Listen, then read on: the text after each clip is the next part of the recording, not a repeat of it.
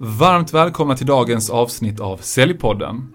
Leonardo Johansson heter jag och är programledare. Idag ska vi prata om vem och hur är framtidens toppsäljare? Och vi har med oss två riktiga stjärnor idag. Jenny Berge, hon är VD på Sales Only och sen så har vi Jacqueline Gyllenberg, Stockholm School of Business utbildningsledare. Så att vi ska, som vi säger på engelskan, pick their brains, dra ut de allra viktigaste kunskaperna och erfarenheterna som de sitter på för att göra det här så värdefullt för lyssnarna som möjligt. Men innan vi ger oss in här i hetluften så vill jag slå ett slag för dagens huvudsponsor som är Mindit, the House of Sales. Mindit är specialister på säljutveckling och säljutbildning inom business to business och erbjuder alltifrån anpassade upplägg och öppna kurser för säljare och säljchefer till mer individuell coaching.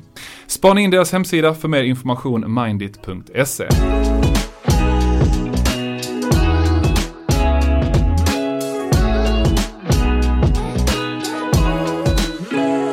Om vi börjar med dig Jenny som sitter här på min vänstra flank. Berätta, vem är du med egna ord? Vad behöver våra lyssnare veta om dig? Jag är en ska säga så här, passionerad säljare och ledare. Jag brinner för försäljning och har arbetat med försäljning i snart 30 år i olika konstellationer. Mm. Och även väldigt mycket ledarskap. Gud vad häftigt. Mm. Vilken erfarenhet. Jacqueline, inte Jacqueline eller Jacqueline. Alltså det här måste jag ju träna på. Rätt. Annars får jag massa minuspoäng här på min högra flank direkt. Berätta, vem är du? I det här sammanhanget så representerar jag Stockholm School of Business. Vi utbildar säljare, redovisningskonsulter, lönespecialister och en del roller till. Mm. Och jag kallar det för att jag driftar utbildningar. Så mm. jag följer en studerande i två år, ser till att den får bästa innehåll i sin utbildning för att ha möjlighet till att komma ut på arbetslivet som en stabil medarbetare på alla plan. Mm, wow, det där lät som en riktigt bra hisspitch. Jag måste nog träna på min egen hisspitch efter det här samtalet. Men det är bra, vi utvecklar varandra här.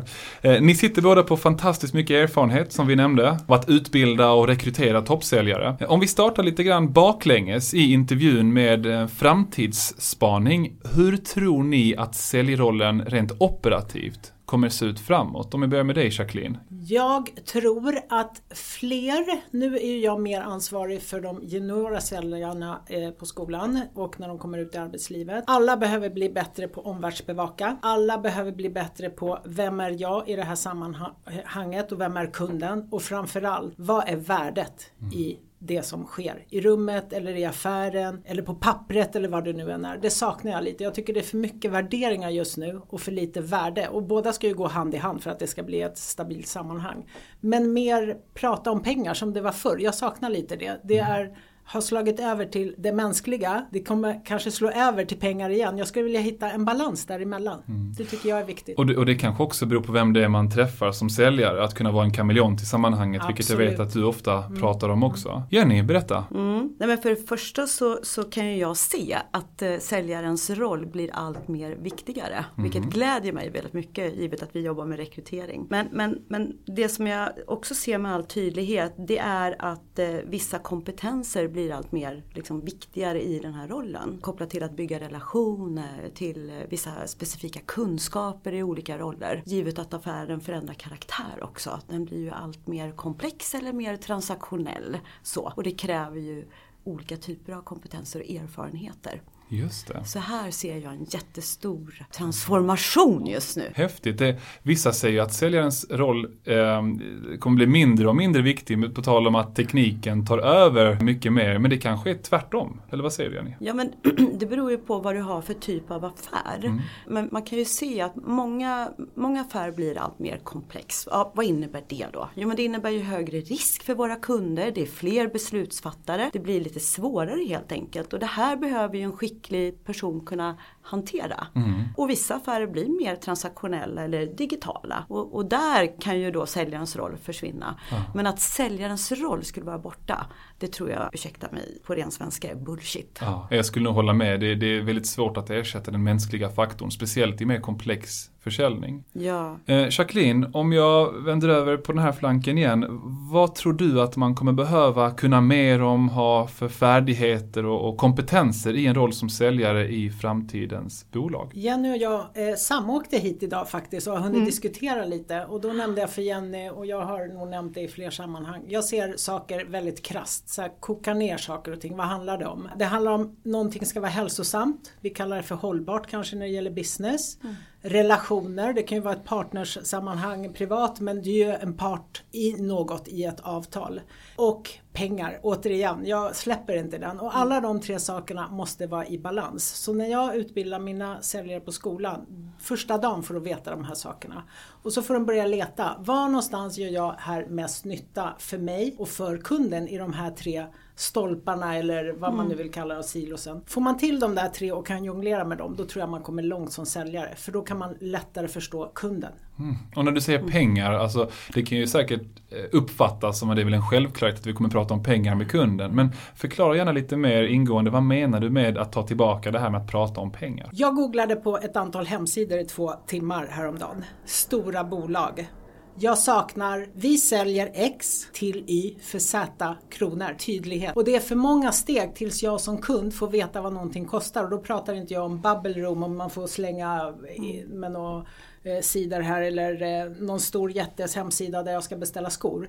Utan jag vill ha X, vad kostar det? Ja. Är, är det här jag ska vara eller ska jag gå till nästa? För det finns någonting för alla. Så om alla blir lite mer transparenta och tydliga med sin produkt för mig som kund, då kommer det bli ett snabbare köp. Så det där är någonting som, som eh, jag som egenföretagare varit livrädd för. Alltså i USA är det väldigt vanligt att de som säljer både utbildningar på abonnemang och även mjukvaruföretag och andra företag, de är väldigt tydliga på sina hemsidor. Det finns alltid en sån här pricing. På svenska hemsidor existerar det inte, nästan inte ens. Och då tänker man så här, ja men jag vill inte att kunden ska veta vad det här kostar innan vi har hunnit förklara värdena för dem och liknande. Men det är så många kunder man förlorar som inte ens ger dig en chans att prata om värden eftersom du inte har varit transparent med, med prisbild eh, och liknande. Men jag, jag håller med Jacqueline. Eh, men det handlar också i slutändan mycket utifrån mitt perspektiv om begreppskalibrering.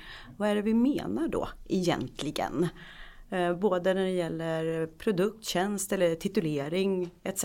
Så, så, och det, det behöver man ju bena lite i. Mm. Och, och det här med alltså att rekrytera säljare, din, all din erfarenhet som, eh, som är kopplad till det här ämnet. Finns det någon specifik kompetensbrist som du har sett där ute eh, på marknaden idag? Någonting som du känner att antingen att företag, kunder till dig då efterfrågar som inte säljare kan leva upp till. Någonting de bör efterfråga utifrån hur marknaden har utvecklats. Berätta, kompetensbrist. Det är många bitar men, men det vi kan se med all tydlighet nu det är ju förmåga att projektleda. Att det ökar. Det blir viktigare och framförallt om affären utvecklar sig till att bli mer komplex. Men sen skulle jag nog vilja peka inåt på de organisationer också som ska rekrytera. Att man kanske inte alltid har koll på sin egen affär och hur den utvecklar sig kopplat till beteenden på marknaden eller olika köplogiker etc. Så det är åt båda hållen och, och där fyller vi många gånger som rekryteringsföretag då en stor roll i att faktiskt råd, rådge våra kunder. Så här, lotsa dem åt rätt håll. Och inte bara hej kära kunder berätta vad ni behöver utan snarare det här är vart marknaden är på väg. Det här är liksom branschens eh, utmaningar de kommer ha framåt och potential och det här är hur ni behöver anpassa er till det. Eller hur? Ja men absolut. Häftigt när man kan ta på sig den säljhatten och vara så pass utbildande och rådgivande som, som ni är i det här fallet. Ja, Men det är det- kanske därför det har gått så bra för er det senaste året eller? Ja jag tror det. Ja. Det finns hög kompetens i vårt bolag och Ja. vi, vi pluggar ju hela tiden så alla är ju certifierade. Så det är viktigt. Mm. Har du någonting du vill tillägga där Jacqueline? Innan vi går Ja men jag tänker, nu har jag nämnt det här med pengar och det kan ju låta väldigt hårt. Men om jag som kund vet vad någonting kostar, då är ju nästa steg, gillar jag dig?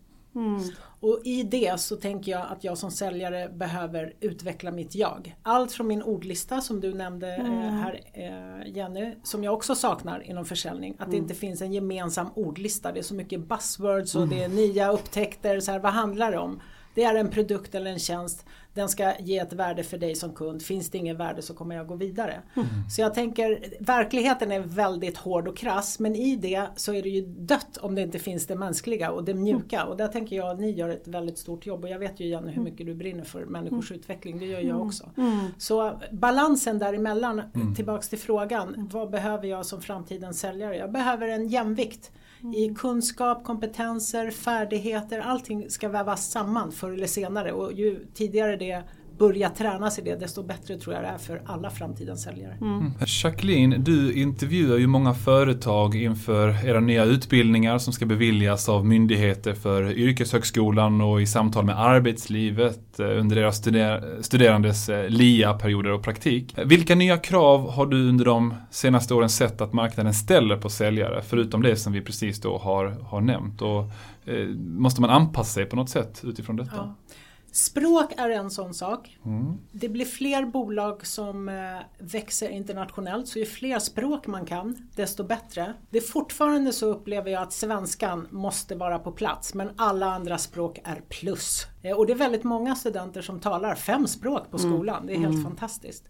Det andra är det Jenny nämnde, komplexiteten, kvalificerad och komplex försäljning. Mm. Och där kräver det, tänker jag, att man har jobbat lite och gjort några fel för att förstå vad det innebär. Så det är en sak det vi utbildar på pappret och en annan sak i verkliga livet. Mm. Sen tänker jag också hur jag formulerar saker och ting. Så här, hur skriver jag ett mail? Hur kontaktar jag personer? Vad använder jag för vokabulär när jag pratar med andra? Det tror jag är jätte, jätteviktigt. Och det sista är som återkommande kommer upp i intervjuer, det är offentlig upphandling och affärsengelskan specifikt. Mm. För det är bra att kunna många språk. Jag hör ofta att det var ett bolag som ringde mig häromdagen och frågade om vi hade säljare som examineras om de kunde arabiska. Mm. Ett svenskt bolag. Det har jag inte hört förut. Då kan jag tänka, okej okay, det är väldigt många ute som behöver det här språket. Mm. Så var, var, lite på rälsen när det gäller vad som behövs i framtiden. Det är ganska mm. enkla saker. Och, och ehm, en fråga till båda egentligen, om jag börjar med att titta på Jenny. Ehm, ställer nyutbildade och, och framtida säljare andra krav på sina arbetsplatser än tidigare generationer? Är det någonting du har sett under de senaste åren, månaderna? Ja, berätta. Ja, jag tycker att det händer ganska mycket på den fronten. Mm. Eh, och eh, den, den, unga generationen nu ställer ganska höga krav på en arbetsgivare. Man brukar till exempel googla vem är, det, vem är VD på bolaget, hur är ledarskapet, hur mår kollegorna på det här företaget? Det var inte lika vanligt kanske när jag gick ut i arbetslivet utan då var det tack för att jag får jobba Aha. här. Så att man, man, letar efter rätt arbetsgivare, eh, rätt tribe, miljö.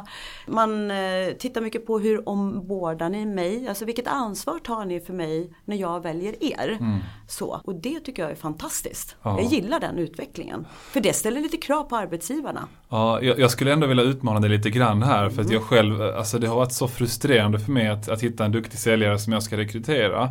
Eh, och, och, delvis för att, och nu generaliserar jag väldigt mycket, jag tillhör kanske också eh, typ den yngre generationen, men alltså vissa ställer så otroligt höga liksom, krav, både i lönesättning, i eh, vad de ska få för förmåner och att de ska jobba bara x antal timmar och att de jämfört med när jag började sälja här för 15 år sedan, då var det mer som, alltså jag var inte så här och ta vad som helst, men det var också att jag ska verkligen bevisa framfötterna och visa framfötterna innan jag ställer krav. Mm. Så det är också någonting jag tror att många stöter på där ute, just den här ökade kravställningen och att den kan vara lite orimlig mm. ibland också från eh, mm. millennials och allt vad de heter. Vad säger mm. du Jacqueline? Jag är enig och jag tror som vanligt eh, när det gäller massmedial information så är det lätt att det framkommer det som är på toppen och det är det alla tror är verkligheten. Men den där lilla toppen är ju bara lilla toppen på en pyramid. Mm. Resten är ju någonting annat. Mm. Och Jenny och jag har haft mm. en diskussion just om lönesättning på allt möjligt. Mm. Eh, I alla möjliga roller. Mm. Och jag tycker det är lite fantasilöner ibland. Och den här personen då som fick en ingångslön på 45 plus provision eller till och med 80 har jag hört som grundlön för någon som är 28 år. Mm. Vad är nästa steg? Mm. Så här, hur många bolag kan betala den här lönen som är nästa steg? De är inte så många. Mm. Så hur blir det för den personen då på individnivå med självkänsla, självförtroende, det finns ingenting. Det var kul så länge det var kul och så var det inget kul med den här rollen sen men det finns ingen annan roll att söka sig till för jag har inte mängden erfarenhet. Mm. Ja, förhoppningsvis så inser de att det finns mer i livet än bara pengar Ja. och väljer en arbetsplats som kan tillfredsställa andra eh, viktiga mål i, i livet för dem också. Eller vad säger du? Jenny? Ja, nej, men jag håller med. Och, ja, det, är så här, det, det där som ni pratar om, det är en liten klick. Så, och då kanske man ska släppa dem och så får de gå dit de tror att de kan gå. Just det, ja. Eh, de brukar vad, komma tillbaka ibland. men, men vet du vad utmaningen med det är? Det att jag, jag är helt, jag råkar bli förälskad i säljare som har ett så här okuvligt självförtroende och ganska stort ego. Inte ego i form av att jag är bättre än andra utan någon som i alla fall verkar vara någon som tror så pass mycket på sig själv att de tycker att de förtjänar eh, någonting. Men jag vet också att det går att särskilja på de som har ett stort ego i positiv bemärkelse och är ödmjuka och de som har ett stort ego och tycker att de är berättigade. Massa saker innan de har bevisat eh, motsatsen höll jag på att säga. Mm. Ja, vi kan ha olika erfarenheter men min erfarenhet är i alla fall att de som drivs av pengar och, och eh, ja, sin egna person i första rummet hela tiden. Det brukar ofta bli fel. eh, Mm. Det brukar ofta gånger. bli fel, ja. Så för mig det, det, det är ofta en, en mognadsfas som du måste gå igenom. Ja. Men sen tycker jag också så att bolagen borde ta ett större ansvar i just det här med lönesättningar. Man borde prata mer om det här Mm. för att det är ju galet på vissa håll. Eh, Men det, men det är en större fråga för det handlar ju om incitamentsmodeller. Eh, Hur man bygger dem. Och där behövs det också fylla på med kunskap i många bolag. Ja, Så här, faktiskt. vad händer om du har individuell lönesättning och provisioner eh, och ni ska samarbeta? Det händer ingenting. Ja, det är spännande att du säger det Jenny, för att jag vet att du också varit involverad i ProSales nätverk och de har gjort en del studier på det här med provisioner och jag vet att ett av företagen som de hjälpte, nu vet inte om man får nämna det här företaget eh, offentligt, så jag gör inte det. Nej. Men när de slutade eller minskade det här med individuell provision och ersatte det med eh, gruppprovision istället eller teamprovision, då märkte de av att eftersom de hade, de hade så pass komplexa affärer så behövde man egentligen varandra och ta hjälp av varandra. Och de tog mer hjälp av varandra i de här projekten som gjorde att de kunde dra in helt andra drömkunder än vad de tidigare hade gjort. Men det kan också vara svårt att behålla någon som ser sig som en stjärna, jag ska säga en, en ödmjuk stjärna inom situationstecken, som inte bara tänker på teamet först. Visst, drömscenario gör alla det, men jag var inte sån säljare kan jag säga det och då var ändå jag den som eh, presterade eh, bäst i, i många fall eh, under de anställningar som jag hade. Det hade varit svårt att ta hand om en säljare som mig eller tillfredsställa mina behov om det bara var eh, teamprovision. Eh, handlar det om företagskulturen och att mappa rätt kultur med rätt säljare eller vad handlar det om? Eh, i Ja, de men fallen? både och. Men också att man har koll på hur affären ser ut. För att bedriver du en väldigt transaktionell snabb affär då kanske en sån modell är okej och, och, och fungerar bra. Men, men är affären mer komplex så, så, så behöver du titta på andra typer av incitamentsmodeller. Men, men det är också ganska tungt att ta i för bolagen. Eh, Det är sånt här som vi diskuterar själva, alltså internt hos oss. Eh, Men, men eh, ja, man behöver tänka cirkulärt i det där. Just det, alltså Mm. vad, vad är vår affär? Vad behöver vi egentligen göra för att lyckas? Och är det Mm. så att provisionsmodellen uppmanar oss till att lyckas med det eller är det snarare tvärtom? Att det uppmanar till att vi är för mycket utav individualister som gör att vi Exakt. tappar affärer? Ja, Ja. Mm. jätteintressant. Har du några synpunkter på det här med provision? Du får ju säkert många frågor från dina studenter med hur de ska tänka med val av arbetsplats och så här med. Jag brukar rekommendera alla följande. Vem är du? Vad vill du? Vart är du på väg? Så börja med jaget. Vi har gått en utbildning på två år. Vad gjorde den här utbildningen för mig och min person? Vågar jag lyfta luren och ringa en VD? Eller är jag fortfarande att jag vågar lyfta luren och rådge om en process som någon kan googla på? Och det andra är jag, eh, vad vill jag? Ja, hur lätt är det då? Det är jättelätt att hoppa på en provision eller en grundlön och så kan jag inte leverera. Det blir inte så bra för mig som person. Så just det här att Visst, höga löner, men kan jag leverera på den nivån månad efter månad efter månad? Kan jag det, fine, då ska jag ha den här lönen. Men om det är tre månader och det blir backlash, det blir inte så bra för mig. Och då vet jag heller inte vart jag ska på väg. Så rita upp en karta först och det ska ju bolagen göra först. Det har ju du och jag pratat om. Återigen, har jag ett paket av ett hus och hissen går till sexan så vet jag ju 1, 2, 3, 4, 5, 6.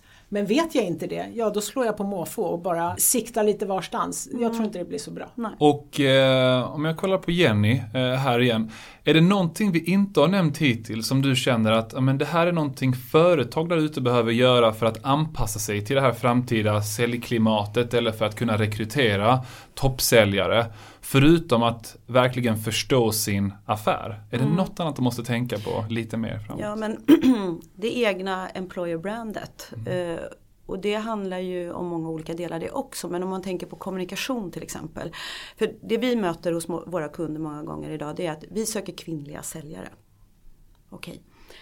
Men om ett bolag kommunicerar, det är män som kommunicerar på mäns sätt ut mot marknaden och ska attrahera kvinnor. Hur går det? Mm. Nej det går ju inte så bra. Så att, så, så här, titta lite mer på hur man kommunicerar, till vilka, till vem och varför. Eh, inte hålla på att komplicera saker och ting. Var noga med att berätta om sitt, egen, sitt eget egna onboardingprogram. För de kraven har kandidaterna idag. Och det är inte många som är jätteduktiga på onboarding upplever jag i Sverige. Inte ens organisationer som det går ganska bra för. Det håller ju på att förändras sakta men säkert. Eller håller, håller du med mig? Jenny? Ja, ja, jag håller med. Mm. Eh, och sen att jobba med ledarskapet. För att eh, morgondagens kandidater de ställer höga krav på en ledare. upplever säkert du också ja, Jacqueline på ja. skolan. Vi har ju något som kallas för LIA. Ja. Eh, det står för lärande i arbete slash mm. praktik. Praktik har man på gymnasiet. Och eh, den här perioden är ju till för att jag ska stresstesta mig själv kallar jag det för. Mm. Och stresstesta mina arbetsgivare och de mig. Och där tänker jag om jag kopplar på med det här med onboarding. Det finns massor att göra där. Mm. Massor. Mm. Och, och Jacqueline, om jag pratar eh, med dig här och frågar dig om, ha, har du sett några förändringar i kundbeteenden? Eh, eller känner till så här, förmodade framtida förändringar när det kommer till kundbeteenden som, som dina säljare här på eh, Stockholm School of Business behöver anpassa sig till? Jag tror att det mesta går ju att googla sig till så det här behöver inte jag rada upp här nu. Mm. Och det vi kan googla oss till kommer ju i, i, mynna ut i att kunden är mer påläst. Det tror jag att de flesta är eh, bevandrade i. Men att kunden är mer påläst betyder inte att kunden förstår eller att kunden kan ta beslut. Mm. Så framtidens säljare ska väl vara mer enligt mig rådgivande och hjälpa mig att ta ett beslut. Det är lite samma som i skolan. Jag brukar säga till de studerande och vara lite provocerande. Ni behöver inte gå den här utbildningen. Ni kan googla er igenom. Allting är ju gratis. Man mm. behöver inte se sen och gå på, på en sån här utbildning. Men det som skiljer att jag googlar och att vara på plats fysiskt med människor eller digitalt. Det är att lärarna kan hjälpa mig att limma ihop de här punkterna som jag inte kan göra själv. Mm. Erfarenheten i rummet, connecting mm. the dots. Mm. Så tillbaks till framtidens kund. Jag tror att den kommer sitta på mycket mer maktkapital informationsmässigt men väldigt mycket mindre när det gäller att förstå en produkt. Det är bara en massa bilder och en massa ord och en massa priser men vad betyder det egentligen? Där tror jag en säljare kan göra jättemycket. Mm. Alltså det är många, det är många säljchefer chefer jag stöter på idag, säljteam, som inte riktigt har förstått vikten av att kompetensutveckla sina säljare eller ge dem rätt förutsättningar brukar jag prata om. Och det här är inte bara för att sälja in mig själv eller andra säljutbildare utan det här är någonting som ni även har sett i, i er forskning. Eh, och ni säljer inte säljutbildningar utan ni hjälper säljare att bli rekryterade liksom, till rätt företag. Uh, och det var ett exempel här för någon vecka sedan. Jag blev bara så här, oh, nästan lite paff. Det är att en säljare hade kontaktat mig och sagt, hej jag behöver individuell coaching. Hon visste inte vad hon behövde för individuell coaching. Hon visste bara att jag behöver det för att jag är ny i rollen och så här. Jag vet inte vad jag behöver. Eh, prata med min säljchef, sa hon. Okej, okay, då ringer jag hennes säljchef.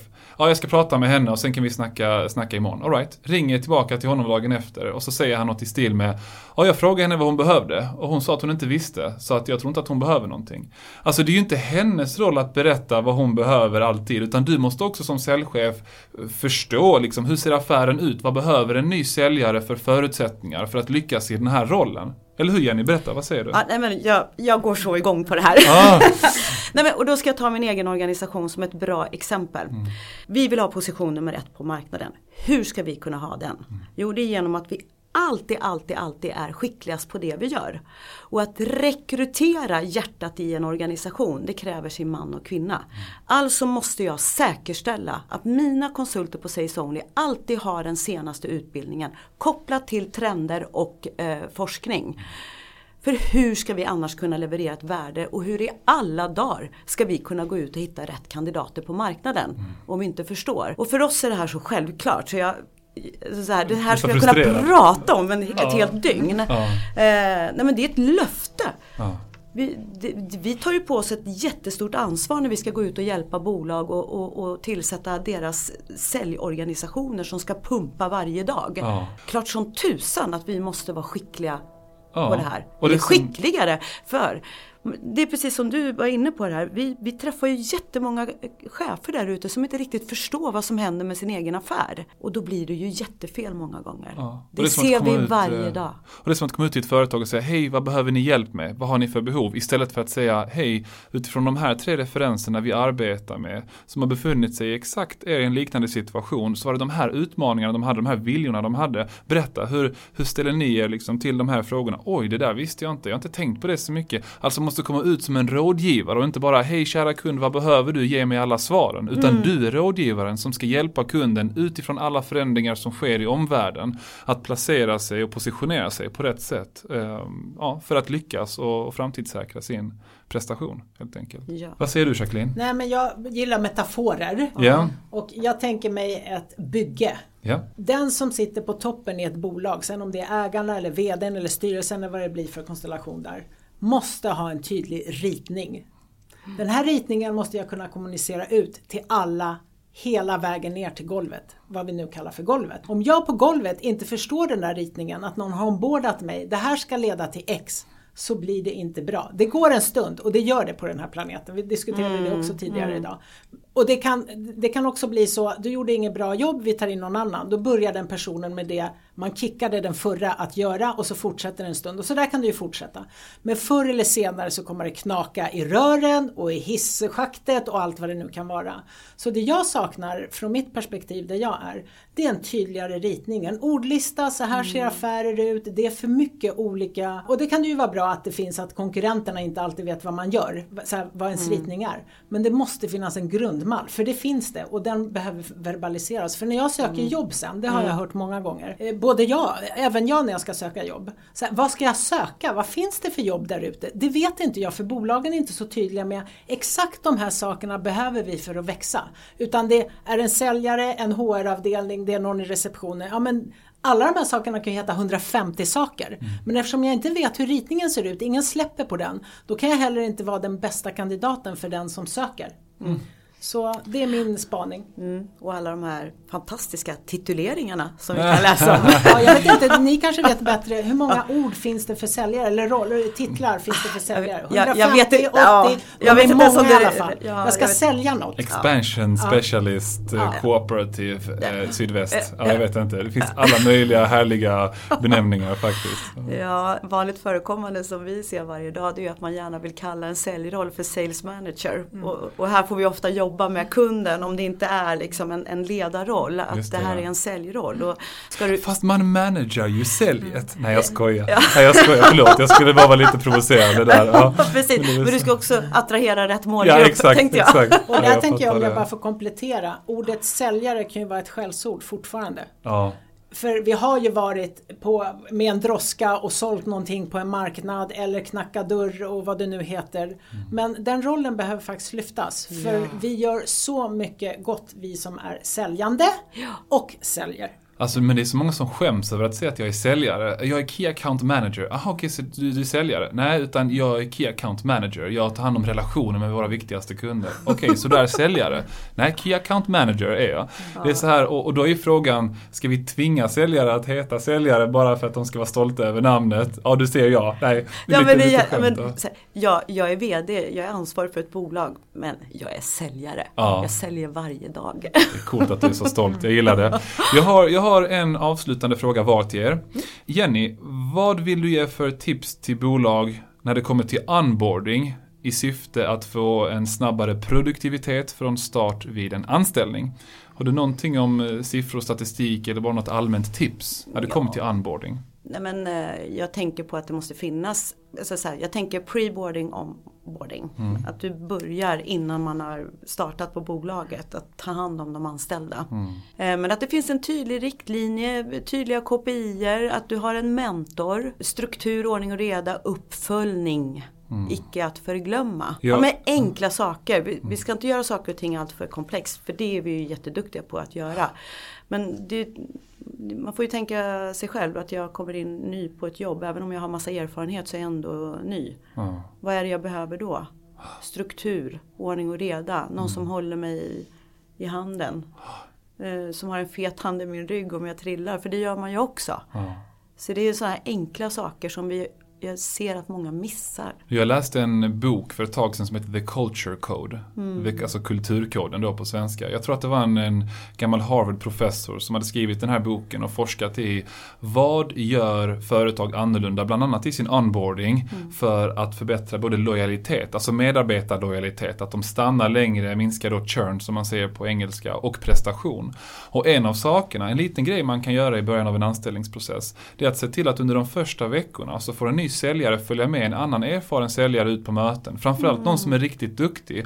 Och bara sitta där och bara lära sig, ställa frågor efter mötet. Alltså det blir en så bra alltså inslussning, höll jag på att säga, men av den här nya säljaren. Att det bygger på självförtroende, man gör en nyfiken, man ser vart man vill komma, man kanske till och med får en förebild internt. En sån liten grej, nu minns inte jag exakt statistik, men det ökade med alltså hur lång tid en medarbetare stannar på företaget med kanske, vad var det, 7-8 procent kanske? Vilket var, alltså det är ganska lång tid om vi pratar eh, en, större, en större säljkår. Jag tycker att onboarding av människor är jätte, jätteviktigt. Sen vad relationen eller yrket är, det är sekundärt tänker jag. Och just det här som Jenny nämnde, jag kallar det för pacing och leading. Jag tar en gammal dam vid övergångsstället, går i hennes tempo, släpper henne. Och jag, både jag har lärt mig någonting om hennes tempo och hon har lärt sig någonting om mitt. Men jag saknar jättemycket ordning och reda på en onboarding. Åh. Eh, och gärna långt innan jag ens har sökt är min eh, sanning att onboardingen sker. Vad säger, när jag läser någonting i media, vilken mediekanal som helst, jag, inte, jag har läst så mycket saker redan innan jag har läst inlägget som någon har gjort. Så jag går direkt ner på kommentarerna och ser vad alla skriver. Där finns sanningen för allting. Och det tog jag av en VD på ett väldigt stort internationellt bolag. Han sa, jag läser inte våra inlägg utan jag läser vad kommenterar alla om. Och där kan jag varmt rekommendera alla säljare när det gäller någonting, ombordar sig själva om ett bolag eller en produkt. Vad, vad säger folk? Längre ner, gärna 10 kommentarer ner eller 150 kommentarer ner. Så onboardingen sker på så många delar innan jag kommer till eh, rollen där jag ska vara eller söka. Och för att komplettera det här så kan man också säga att företag, alltså så fort någon har skrivit på anställningsavtalet, det är få gånger man är så taggad på en anställning som när man precis har fått ett nytt jobb, förhoppningsvis. Och det här kan ju företag nyttja, inte utnyttja, utan nyttja i form av att ge medarbetaren rätt information, material som de kan läsa på, kanske till och med lite e-learnings, vad vet jag, inför anställningen så att de, om de är en riktigt taggad säljare, kan läsa på det mesta och till och med ha en, vad ska man säga, en snabbare utvecklingskurva i början av sin anställning. Så det finns så mycket potential där när det kommer till pre och onboarding. Vad säger du? Rätt förutsättningar för att lyckas. Det är Ja. ofta högpresterande människor eh, som behöver mycket bekräftelse och behöver ja, komma igång snabbt. Eh, Exakt. Så jag slår ett slag för mentorskap, kroka arm med någon som är duktig. Då får du en utväxling snabbare och precis som du sa Jacqueline, det handlar ju någonstans om pengar i slutändan. Och då kommer de. Och jag lägger till till det där mentorskapet tydlighet i allt. Allt, på alla delar, i alla kanaler och det får Ja. vi alla jobba med för det är väldigt svårt att vara tydlig. Ja. För vi förstår helt olika saker dygnet runt. Yes! Jättekul att få träffa er här idag och få ta del av era insikter, erfarenheter. Jag har lärt mig en massa nytt och blivit inspirerad. Så nu kommer jag sitta, jag trodde jag skulle sova på tåget på vägen eh, hem till Göteborg nu. Eh, Men jag kommer nog sitta där och, och läsa lite mer om de nya trenderna inom försäljning och så här. Ni har ju ett bra eh, häfte, eller en pdf va? Som man kan ladda ner. Eller vad kallar ni det för? Vi har en fantastisk hemsida som är ny. Just med det. massa bra content. Perfekt, så salesonly.se. Där finns det bra guider och tips. Det finns en speciell guide som ni har tagit fram på sistone som handlar om vad då? Nej men vi har tagit fram en forskningsrapport tillsammans med Mercury International Research. Där vi har intervjuat tusen kommersiella ledare kring Wow. kompetensglapp. Det där blir intressant läsning för mig på vägen hem till, till Göteborg. Jenny, en fråga till dig. Om man vill ta kontakt med dig, varför gör man det och på vilket sätt? Mig tar man kontakt med om man har ett behov av att eh, rekrytera inom eh, försäljning, säljledning eller hyra en interimslösning eller byta jobb eller om man vill lära sig mer om försäljning. Häftigt. Och var tar man kontakt med dig enklast? Enklast på jenny.berge.salesomly.se eller på LinkedIn. Ja. Jenny Berge. Vi lägger upp namnen här i samband med eh, poddavsnittet också så att ni stavar helt rätt när ni söker efter de här härliga och kunniga människorna på LinkedIn. Jacqueline, berätta. Varför tar man kontakt med dig och på vilket sätt? Man kanske har frågor om utbildning specifikt försäljning. Man kanske vill ha mentorskap. Jag har både coachat och rådgivit många i sin personliga individuella utveckling. Eller så vill man ha lite av mina kontakter. Jag är väldigt givmild så det är bara connecta med mig på LinkedIn, ställa frågor. Jag lär mig mycket av dig som connectar så det är fritt fram. Jag kan lägga till en sak eh, avslutningsvis. Det är att den som lyssnar, om ni jobbar på en yrkeshögskola, det går att samarbeta med säljarna. Det gör vi på vår skola. Så de kommer ut och föreläser för våra studerande. Och det är lika givande varje gång. Och det handlar om avtal och lönesättningar och allt möjligt annat spännande. Så det kan jag varmt rekommendera. Gud vad häftigt. Ja, återigen stort tack. Gå in på salesonly.se eller Stockholm School of Business, är det ssb.se? Ja. Titta vad jag kan. Eh, om ni är nyfikna på de här utbildningarna eller rekryteringstjänster. Det är två riktigt smarta människor som jag fått sitta med här idag. Alright, kära lyssnare. Tack för idag. Tack mina gäster. Tack! Tack! Säger vi så. Ha det gött. Tack! Hej. Hej!